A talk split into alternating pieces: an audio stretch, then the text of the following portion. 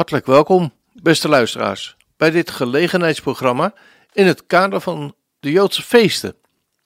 De dagen die we momenteel beleven wordt er in Israël het Chanukka-feest gevierd. In deze acht dagelijkse afleveringen besteden wij aandacht aan het lichtfeest. Aandacht over de oorsprong, gedachtegoed en betekenis. In deze vierde aflevering denken we na over Chanukka en de kracht van het geloven. Dag 5, morgen dus, denken we na over Chanukka en de overwinning op het duister. Dag 6 over Chanukka en de tempel. Dag 7 over het wonder van Chanukka. En dag 8, de slotdag van het feest, willen we aandacht besteden aan Chanukka en de Messias. Maar nu aandacht voor Chanukka en de kracht van het geloven.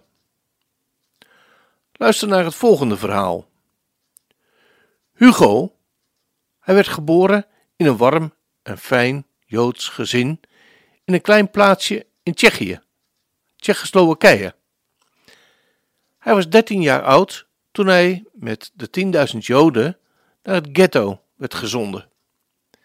In mei 1944 werden hij en zijn vader aan het werk gezet, terwijl een broer en opa direct naar de gaskamers werden gedeporteerd.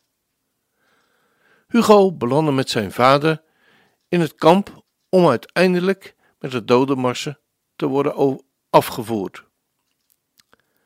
Het was tijdens de koude winter van 1944 dat Hugo een barak deelde met zijn vader.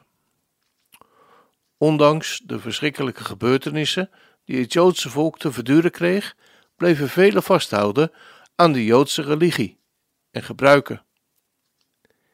In die koude winter herinnerde een van hen, die in de barak was, dat het deze avond de eerste avond van het Genoekenfeest was.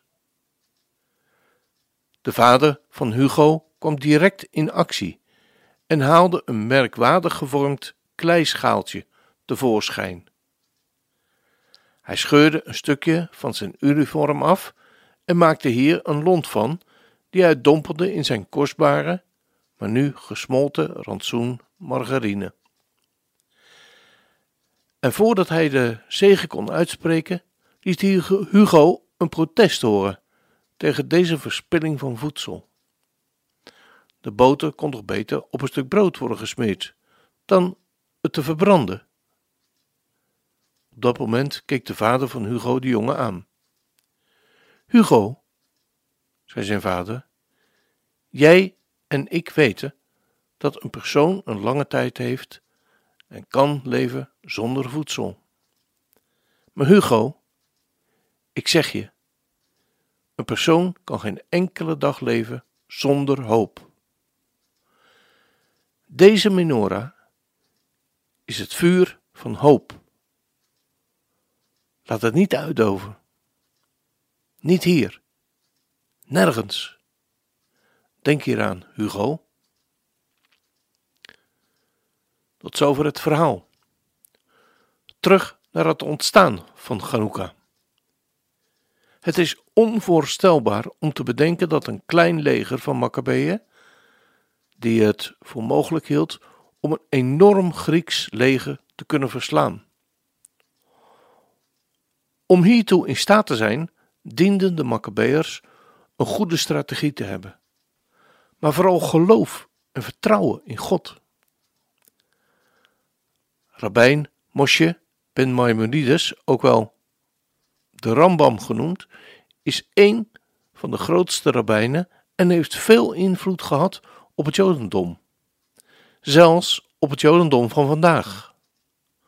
Zo worden dertien geloofsprincipes nog steeds aangehouden en nageleefd binnen het Jodendom. Alle dertien principes beginnen met de zin: Ik geloof, met volledig geloof. Waarmee oprecht en diep innerlijk geloof en vertrouwen wordt uitgesproken. Een ieder die geloof heeft, mag zich een gelovige noemen, maar niet van een ieder die een gelovige wordt genoemd, kan worden gezegd dat hij vertrouwen heeft. Er is binnen het Jodendom een oprechte hoop naar de verlossing in de Messias. Zo spreekt het twaalfde geloofsprincipe uit. Ik geloof met volledig geloof in de komst van de Messias. En zelfs als hij later komt, zal ik zijn komst iedere dag verwachten, waarmee een verwachting in hoop wordt uitgesproken. De Rambam zei: Een ieder die geloof heeft, mag zich een gelovige noemen, maar niet van een ieder die een gelovige wordt genoemd, kan worden gezegd dat hij vertrouwen heeft. Even een vraag tussendoor. Hoe zit dat met jou? Kan jij jezelf als gelovige typeren die in alles vertrouwen heeft op God? Vanuit dit vertrouwen wordt hoop geboren. Zo vertrouwde Abraham op God, waardoor hij zijn zoon Isaac kon offeren. Volgens de Hebreeënbrief hoopte Abraham namelijk op God, dat hij hem uit de dood zou kunnen opwekken. En hoe zit dat met jou? Kan jij jezelf als gelovige typeren die in alles vertrouwt op God? Het verhaal van Genoeka kan niet worden losgekoppeld van de hoop, die leefde in de harten van het Joodse volk. Waar aan de ene kant een hoop Joden hun geloof vast achterlieten en vergrieksten, was er ook een groep die bleef hopen op verlossing. Dit verhaal is dan eigenlijk ook niets anders dan een afspiegeling van het Joodse volk door alle eeuwen heen. Door vast te blijven houden aan God en aan de Torah, bleef het volk door alle verdrukking heen bestaan. Zelfs als zij geloof moesten afzweren en zich gedwongen moesten bekeren, bleven zij hopen op de verlossing. Dit met als gevolg dat zij werden gedood of zich bekeerden, maar in het geheim nog steeds hun Joodse gebruiken bleven onderhouden. Deze standvastigheid, behoudendheid en hoop maakte het Joodse volk dat het volk vandaag nog steeds bestaat. Door alle verdrukking heen, van Antiochus tot Hitler, blijft hoop bestaan. Zo is er een verslag van een voormalig zondercommando, voornamelijk Joden die moesten werken in de kampen, die beschrijft dat een groep Tsjechische Joden de poorten van de gaskamers van Auschwitz-Birkenau binnenkwam lopen met het Hatikva, wat nu het Israëlische volkslied is, op hun lippen. Terwijl ze zongen: Oh, dan is onze hoop nog niet.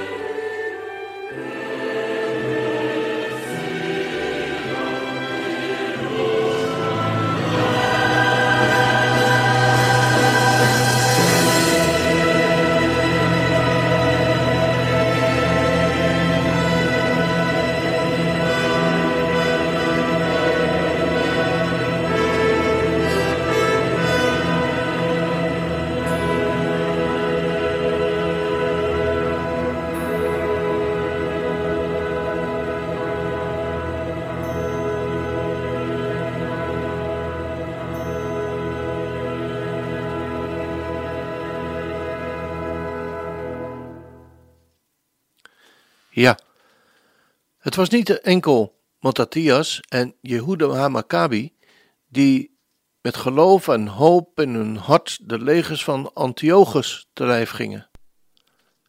Het tweede boek van de Maccabeeën beschrijft in hoofdstuk 7 een verhaal van Ganna, die haar zeven zonen aanspoorde trouw te blijven aan de Torah en aan hun God. Door deze standvastigheid stierven zij de marteldood.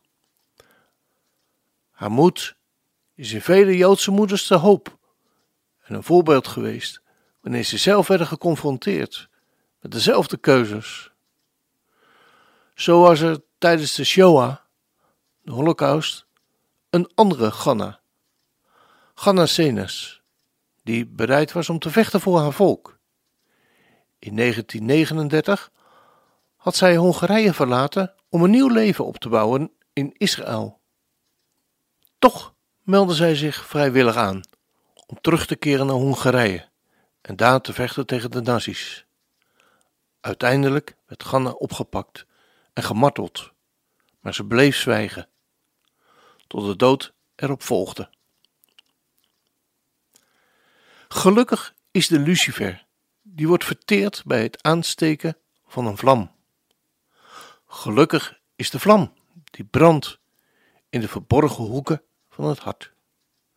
Gelukkig is het hart dat sterk genoeg is om eervol te sterven.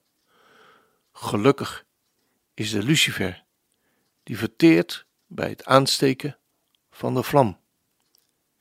Deze woorden, woorden van Gannasenes leven vandaag nog door. Het zijn woorden die gaan over het Joodse volk. Een volk dat leeft omdat zij niet meegaat met de winden van de wereld.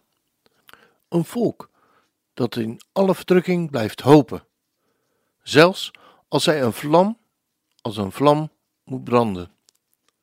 Zou jij bereid zijn om te branden als een lucifer en zo hoop na te leven? We gaan luisteren naar het lied Sevivon Sof Sof Sof. Sevivon betekent dreidel en de woorden van Sevivon Sonsovsov werden rond de eeuwwisseling van de 20e eeuw geschreven door de Russisch-Israëlische kinderauteur en dichter Levin Kipnis. Het nummer verwijst naar een groot wonder dat daar gebeurde. Wanneer het echter in Israël wordt gezongen, verwijst het lied naar een wonder dat hier gebeurde. Dreidel, spin, spin, spin, Chanukka is een leuke vakantie Chanukka is een leuke vakantie. Dreidel, spin, spin, spin. Het is een vreugdevolle vakantie voor de natie. Het gebeurde daar. En een groot wonder.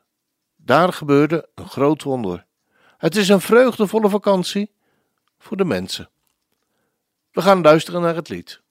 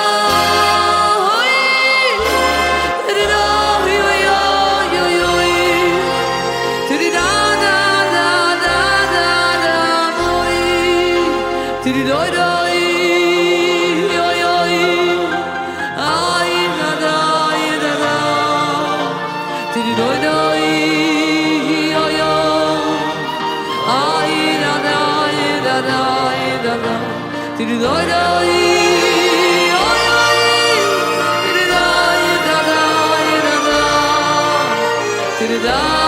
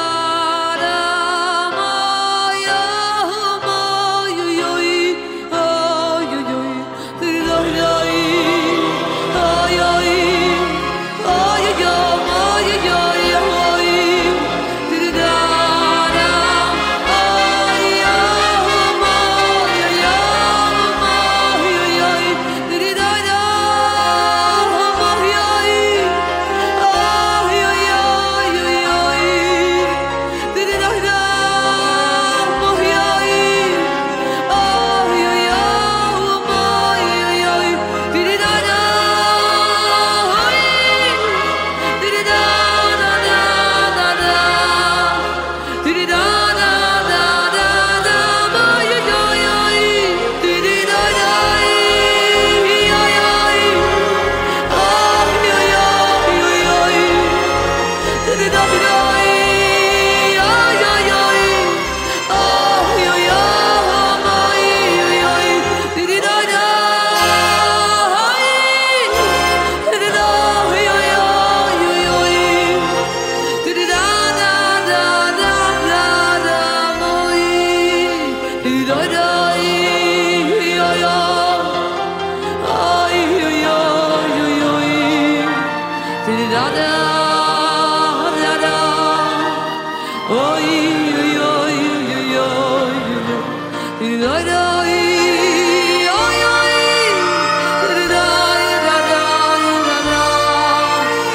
We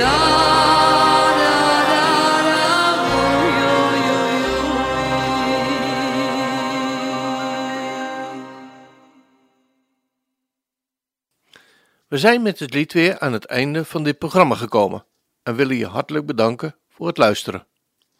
Morgen hopen we weer op dezelfde tijd een aflevering uit te zenden. Die aflevering zal gaan over Chanukka en de overwinning op het duister. Vanaf deze plaats wens ik je God zegen en wie weet, tot morgen.